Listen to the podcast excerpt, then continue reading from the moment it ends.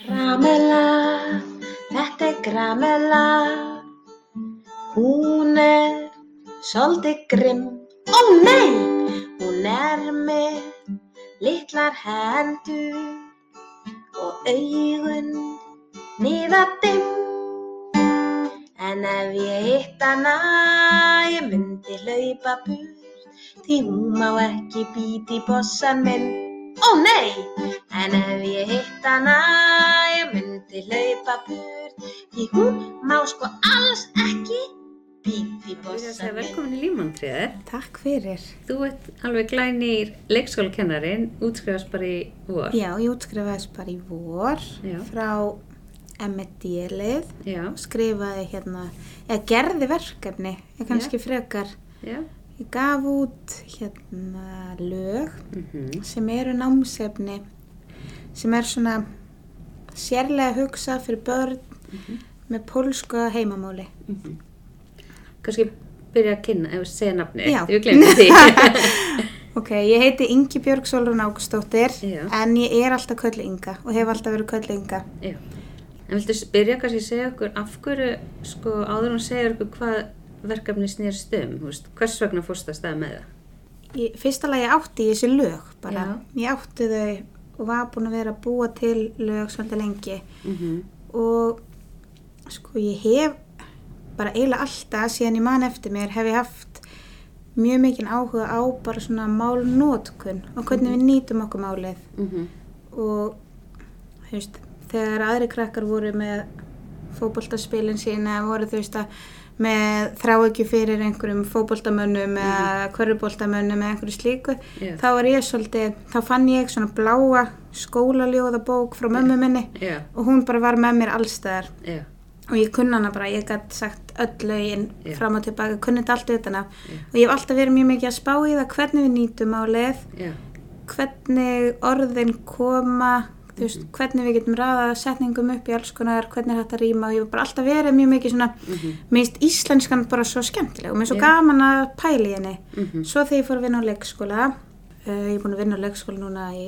10-11 ár. Já, og þegar ég fór að vinna á leikskóla þá fór, þá fór maður svona fljótt að heyra ólíka orðanótkun og ólíka málunótkun hjá börnum. Mhm, og börnin okkar sem eru með annamál, heimamálun íslensku, þau hafa oft svona ákveðna málunótkun og þetta er eins og pínu svona bara, þú veist, eins og mállíska, einhver Já. ákveðin mállíska, þú heyrir oft hratt sirka hvað er heimamálið þeirra Mhm. og hvernig þau nota heimamálið sitt. Mhm, og mér hefur alltaf fundist þetta pínu svona skrítið Mhm. og pínu, ekki skrítið kannski, kannski meira áhugavert. Já, að því að mhm, þú veist, þannig ertu með ég hef einhvern veginn alltaf verið með ég hef alltaf verið með mikið af börnum með annað heimamálin íslensku já, en ég hef alltaf verið með barn sem er með pólsku Mhm. að heimamáli. Já, og ég hef verið með mjög mörg og þau eru rosalega ólíkir einstaklingar. Mhm,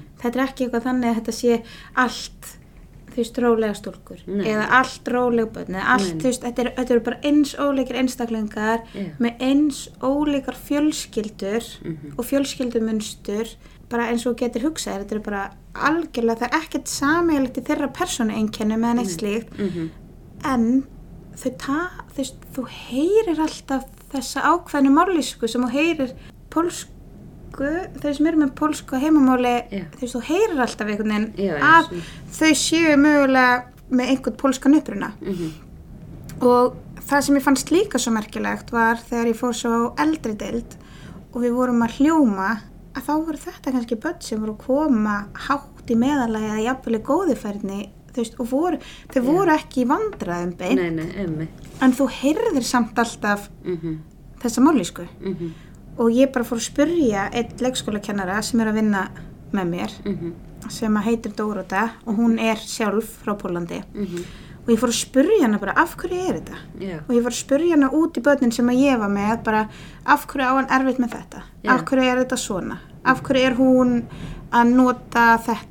Veist, og þá fór hún bara að segja mér og fór aðeins að svona útskýra fyrir mig pólsku og ég varða eiginlega bara pínu kjaftstopp Já. af því sko ég veit ekki hversu marg margir Íslendingar átta sig á því og við sem notum íslenskuna, við vitum hvað okkar mál er flóki Já, já.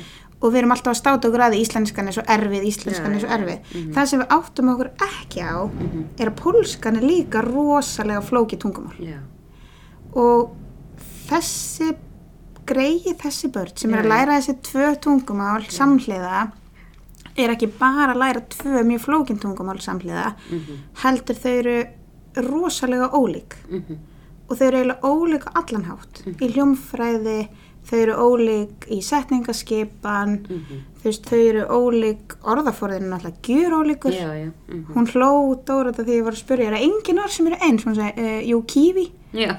þetta er eina orði sem henni datt í rauninni Já. nánast í hug Já. það eru kannski einhver fleiri Já, já. en þú veist, það eru eiginlega engin orð sem eru, þú veist, þannig að þau eru ekki bara að læra 100% tvo orðaforða Nei. heldur líka alla málfræðina og hljóðfræðina Mhm. og það er í rauninni þessi hljóðfræði Mhm. og ákveðin málfræði sem að gera þetta að við heyrum Mhm. Að þau hafi pólsku að heimamáli Já. og þá fór ég bara að lesa mér aðeins til Mhm. og fór að svona ég hef alltaf sungið mjög mikið Mhm. í, í bara vinnu Já. og ég hef einhvern veginn ég sjálf með mjög langan bakgrunn í klassísku tónlistanámi Mm. og svo eins og ég var að segja ég hef alveg rosalega mikið áhuga á íslensku og bara ljóðum Mhm. og bara öllu sem við kemur íslensku Mhm. Og þá einhvern veginn fór ég ofta að bulla eitthvað svona maður fór ofta að Já. bulla eitthvað svona í vinnunni Já. og svo var ég með einn dreng sem var pólskur Mm. og honum fannst alveg rosalega leiðilegt að syngja hjá mér Ok. og það var bara þannig, þú veist, það var Já. bara þú veist, ég reyndi að finna einhver bílalög reyndi að finna hitt og þetta og hann var alveg duglegur að hlusta á sögur og allt það en hann bara fannst ekki gaman að syngja Nei. og alltaf var hann að beða mig um getur þú sungið risaðlulag Já. og ég leitaði og Mhm. leitaði að risaðlulagi fann ekkert svona sem myndi heilla hann Nei, nei. Mhm. þannig að ég fór heim Mhm. og samti risaðlulag fyrir hann Mhm. og þessi drengur var algjör húmoristi Já. þannig að ég passaði að það væri svolítið fyndið Já. og væri svona passaði líka að setningaskipan er svona eins í rétt og hún getur orðið í lægi Mhm. annars að kannski þú veist detti út af rýminu og allir því og svo kom ég með þetta og einhvern veginn náði ég honum ég náði öðrum dreng þarna Mhm. og það voru bara allir farinir að setja stjarfir yfir þessu lægi Ok, skemmtilegt. og þá hugsaði ég bara, vá, ok, ég geti nýtt þetta Já. og þá fór ég akkurat að hugsa þá fór ég að spurja Dóróti meira, Mhm. hvað er það Mhm. sem er ólíkt, þú veist, ég veit orðaforðin ég Já, kem inn orðaforðanum vel Mhm. og reyna að hafa einhver flókin orð í bland við bara þetta bara í bland við grunninn hjá okkur, bara þessi grunnorð og þá fór ég að taka inn þessa málfræði og hljóðfræði sem eru sem eru ólík Já. og þannig er urðu þessi lög til Já. Þannig þau eru á íslensku. lögin eru öll á íslensku. Já. þetta er eiginlega hugsað svona þannig að það sé hægt að heyra einhver ákveðin lög eins og bara ef við tökum eitt lag sem heitir dýralægið hjá mér og það er sem sagt þar er ég að nýta dýr og er að gera litlar bara ferskeitlur um dýr Já. sem hafa annað kyn í pólsku en íslensku. Já. og þetta getur verið mjög rugglandi atriði. Já. að þú notar hún apinn í pólsku en hann apinn á íslensku.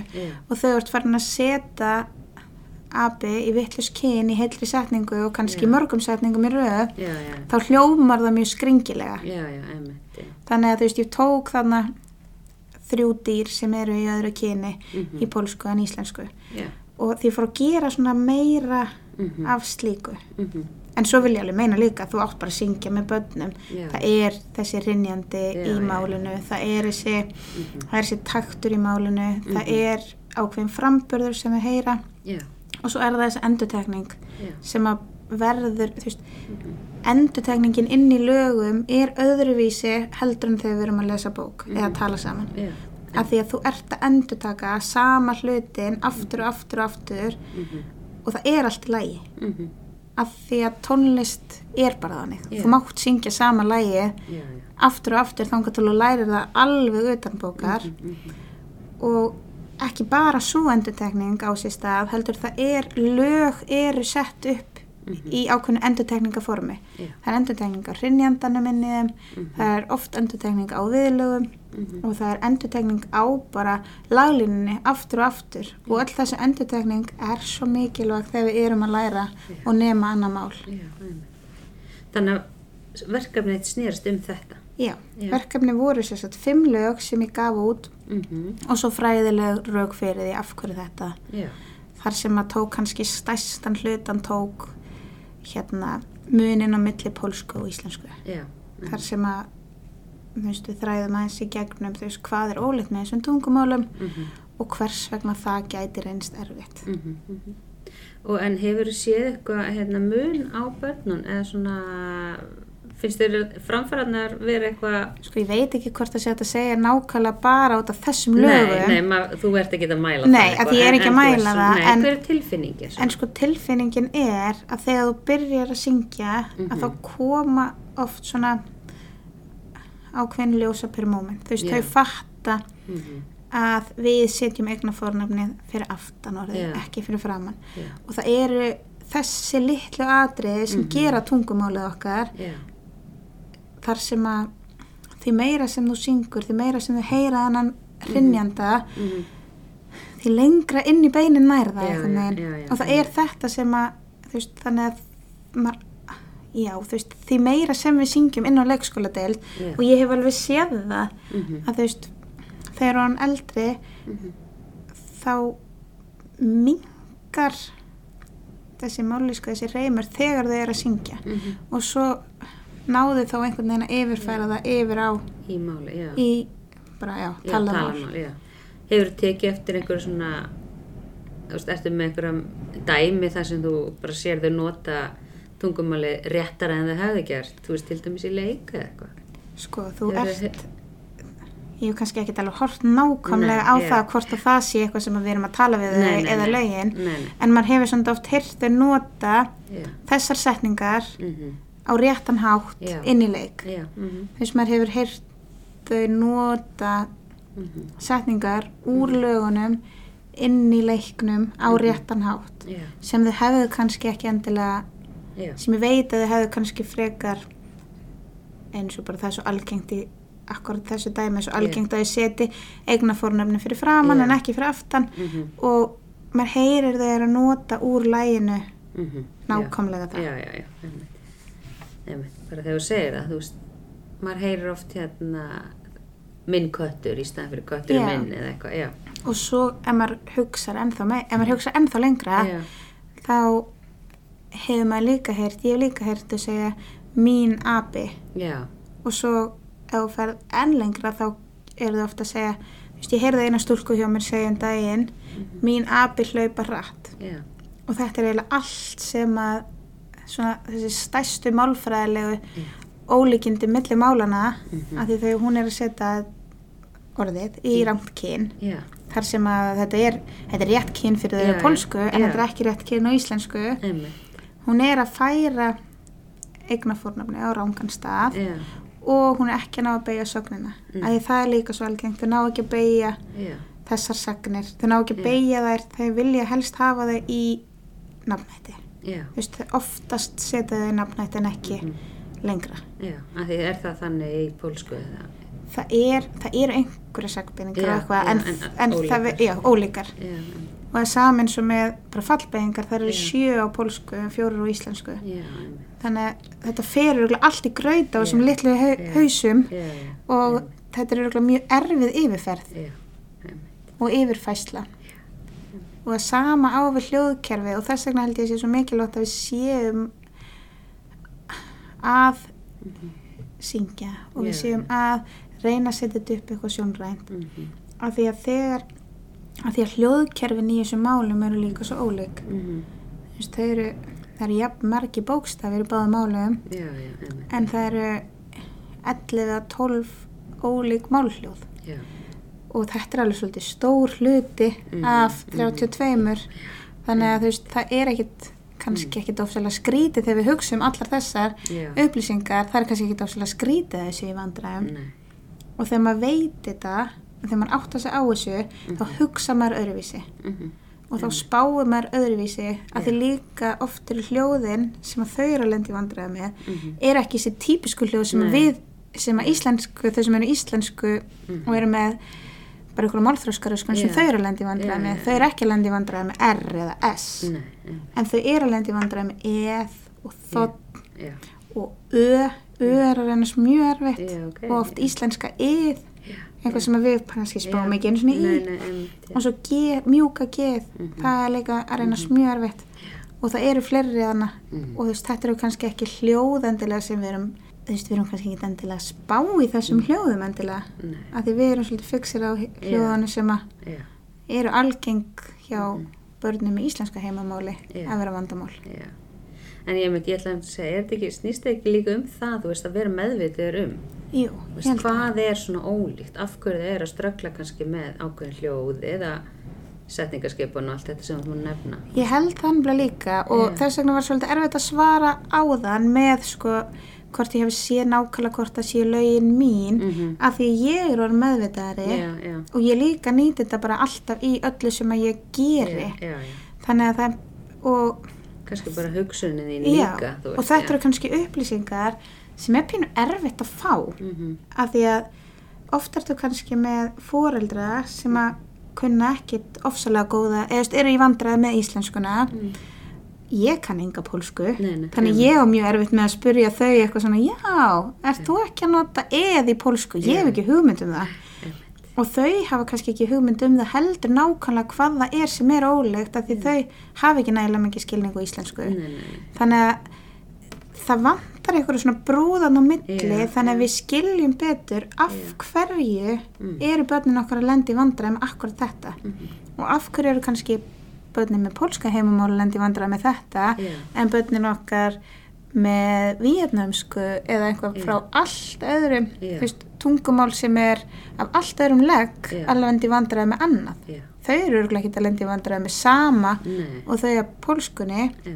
Að því í rauninni eru þau bara að ruggla saman innan tung, þú veist, þau eru bara raunin að yfirfæra pólska málfræði og hljóðfræði yfir á íslensku. Já, en lögin eru með svona, hérna, með það á bakvið sig að þessi Já. þessi munur á íslensku og pólsku. En, getur það kannski hjálpa líka börnum með annað tungumál? Já, já, þau eiga alveg að geta hjálpa því auðvitað er alveg Já. eitthvað sem er að sama Já, og það sem ég fann svolítið og finn svolítið, fókusin svona á þetta. já, fókusin á sko, það var náttúrulega ekki hægt að opna Nei, þetta nei, fyrir nei, öll tungumála því að þetta er bara svo mikið en, og það sem að mér fannst líka mikilvægt er að lögin hafa einhvern annan kennslufræðilegan bakgrunn, þú veist.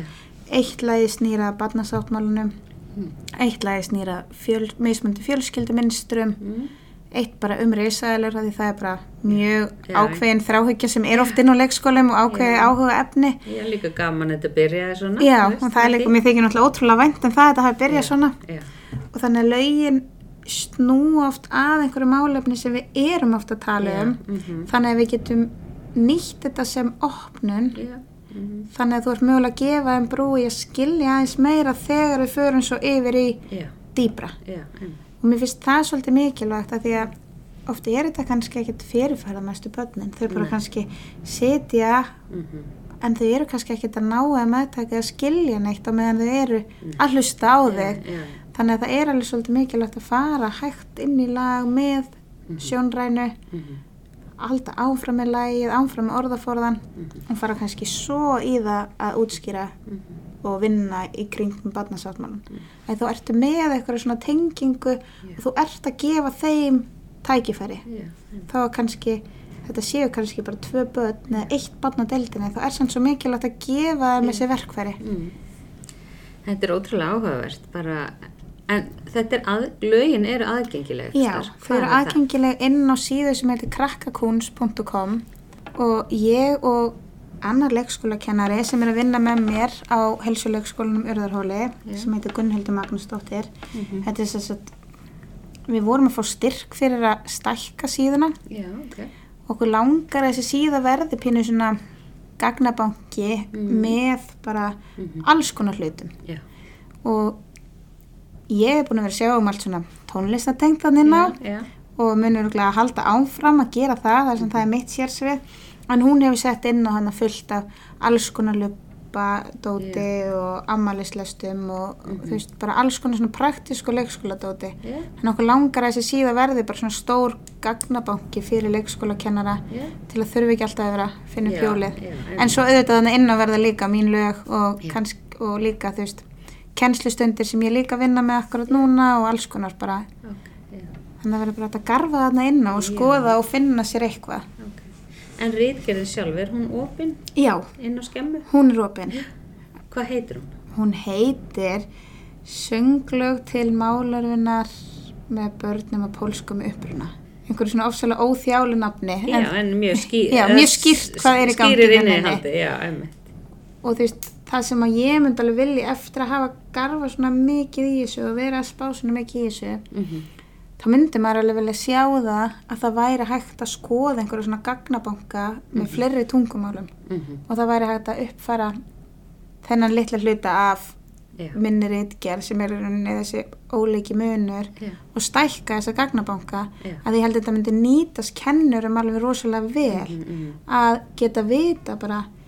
Hvað er hvað er ólegt með tungumálunum veist, og ekki allir þurfa að vera að hlusta Nei, og mögulega halda að það þurfa að senda til talmennafræðings eða eitthvað áleika heldur, þú veist, átta sig á því Mhm. hvað er það sem að er að vefjast fyrir þeim, er það bara þetta sem er ólegt með tungumálunum eða er þetta kannski já, einhver málþróskuröskun já, já og ég held að þar séu við svolítið að lenda í vandræðum af því við við náttúrulega, ef við kunnum ekki annað tungumál, þá náttúrulega vitum við ekkert hvað það er sem er ólegt á mellið þeirra. Nei, já, og það er ógerningur fyrir okkur að vita það bara. Já, já, já. Og oft flókið, þú ert oft kannski með tólkaviðtöl það er oft kannski flókið að komast af því. Já, mhm. Þannig að, og þú ert flókið að því þú veist kannski ekki einu svona hvaða spurningar þú átt að spurja En hvernig ætlar að halda áfram? Ætlar að gera þetta? Ætlar að fa- fara að skoða fleiri tungum? nú er ég komið með þá sko, hugmynd í hausin að ég myndi alveg vilja það Já, sko, núna er ég verkefnast, nú fekk ég þá stöð að vera verkefnastjóri yfir tónlist á Örðarhóli mhm, og er pínu að bara svona pínu bara svona þróa það áfram og er með pínu svona búin að vera að lesa margar ansóknir um sko tengsla á milli læsis og hrinjanda og hrinverkefna og hvernig bara við getum nýtt hrin og já, tónfall og allt það til þess að til þess að hjálpa okkur við læsi þegar og bara lestrarkennslu þegar hann eldri. Já, Þannig ég er pínu mikið að vinna með akkurat slíkt núna mhm, en mér langar alveg og það kýtlar mig svolítið að reyna að búa til eitthvað svona gagnabanka eða mhm, eitthvað svona brú með þessu að því þetta er alveg ég held að þetta myndi hjálpa okkur Já. mjög mikið mhm. en það þarf maður kannski að finna tíman í það Já, það er ofta En áttu fullt af fleiri lögum með það? Og Já. ertu alltaf með eitthvað svona markmið í huga, eitthvað sem tengist svona tungumálinu þegar þú ert að semja lög? oftast, oftast er ég með eitthvað sem tengist tungumálunu Já, eða þá bara að mér finnst bara, mér finnst bara vant eitthvað kennsluefni um akkurat þetta. Já. Já, já, ég meina þú ert alltaf semja Já. lög sem að tengjast því svona ungu börnum Já, og þau tengjast alltaf einhverju sem að ég vill koma inn á leikskólan. Já, mm. Eða þá ég á eitt lag sem að er kannski eitthvað persónulegasta lagi fyrir mig að þú veist við lendum í svolítið, eða dætur mínar lendi í það að missa þrjár ömmu sínar mjög Já, og þá bjóð ég til lag fyrir þær um bara svona hvert mögulega fer amma. já, ok. Og það, mér þykir mjög vænt um það og það hjálpa, ég sá strax að það hjálpaði þeim einhvern veginn Mhm, að ná að opna sínar pælingar bara, Já. þú veist, þær voru litlar, þær voru bara fimm og tveggjára Þannig að það er algjörlega líka hægt að nota Já, þannig að þú veist, ég er bara að nota þetta á í rauninni mjög breiðan hátt. Mm. Nú er ég svolítið mikið að búa til lög bara með svona kurteisispælingum. Mhm, bara þar sem eru bara svona einföld tjáskipti, bara gjörðu svo vel takk fyrir, Já. verðið er að góðu. Já, eða ekkert að þakka. Já, og bara að því mér finnst það stundum vanta kannski, þú veist, og þá er gott að koma því inn í lag, þannig að þetta bara svona stimplast inn. Að því sko lög eru svo góð til að stimpla alls konar inn. Og þau eru líka svo góð til að endurspegla einhverja tilfinningar Já. sem við höfum og skiljum ekki. Eða einhver málefni sem við höfum og við höfum erfitt með að skilja já, þegar við erum bara tveggja til fimm ára Já. eða einhver pínu eldri einmitt. þannig að þú veist, já, þetta er bara svona alls konar bara það sem ég dettur í hug á þeim tíma Þannig að þú ert með bara nóg framöndan, það er sé. Ég heyr Já. það. Fullt af hugmyndum. já, ég er alltaf með fullt af hugmyndum, það vantar ekki Nei. Og bara tíminlegri ljós, já, en mér langar náttúrulega að koma því sem ég er að gera þess vegna er ég að, erum við að stofna þess að síðu í rauninni Já. að því mér langar að koma því einhvert Mhm. frá mér Já. mér langar ekki bara að sitja á því Aðrir hafi aðgang já, að því. og- bara raunin til að aðrir hafa aðgang að því og Já. geti kannski þau þurfum ekki að nota, það er ekki að nota þetta nákvæmlega eins og ég hef hugsað þetta Mhm. bara þeir geti nýtt sér allavega hugmyndina það er stundum er pínu erfitt að leita á Pinterest og öðrum Já, hlutum eftir einhverjum ákveðnum Algjörlega. hlutum sem maður er, veist, maður þarf ekki alltaf að vera að finna upp hjólið. Nei, það er bara, einmitt, það er ekki allir að búa til það sama. Nei. Þetta er ótrúlega, við hvetjum bara fólk sem hefur áhuga að krí- kíkja á þessa síðu, krakkakunst. Já, punktu .com. Já. einmitt. Bara takk kærlega fyrir að segja okkur frá þessu áhugaverða Já, verkefni. minnsta málið og ég hvet alla til að syngja. Bara Já. syngja með börnunum, annarkvort ykkar eigin börnum eða Já. bara inn á leikskólinum. Einmitt, og við ætlum að enda náttúrulega líka þáttin á risaðalegu læginu Já. eftir því sem þetta byrja allt með. Já, örgulega lagið sem ég þykir vænstum. Já.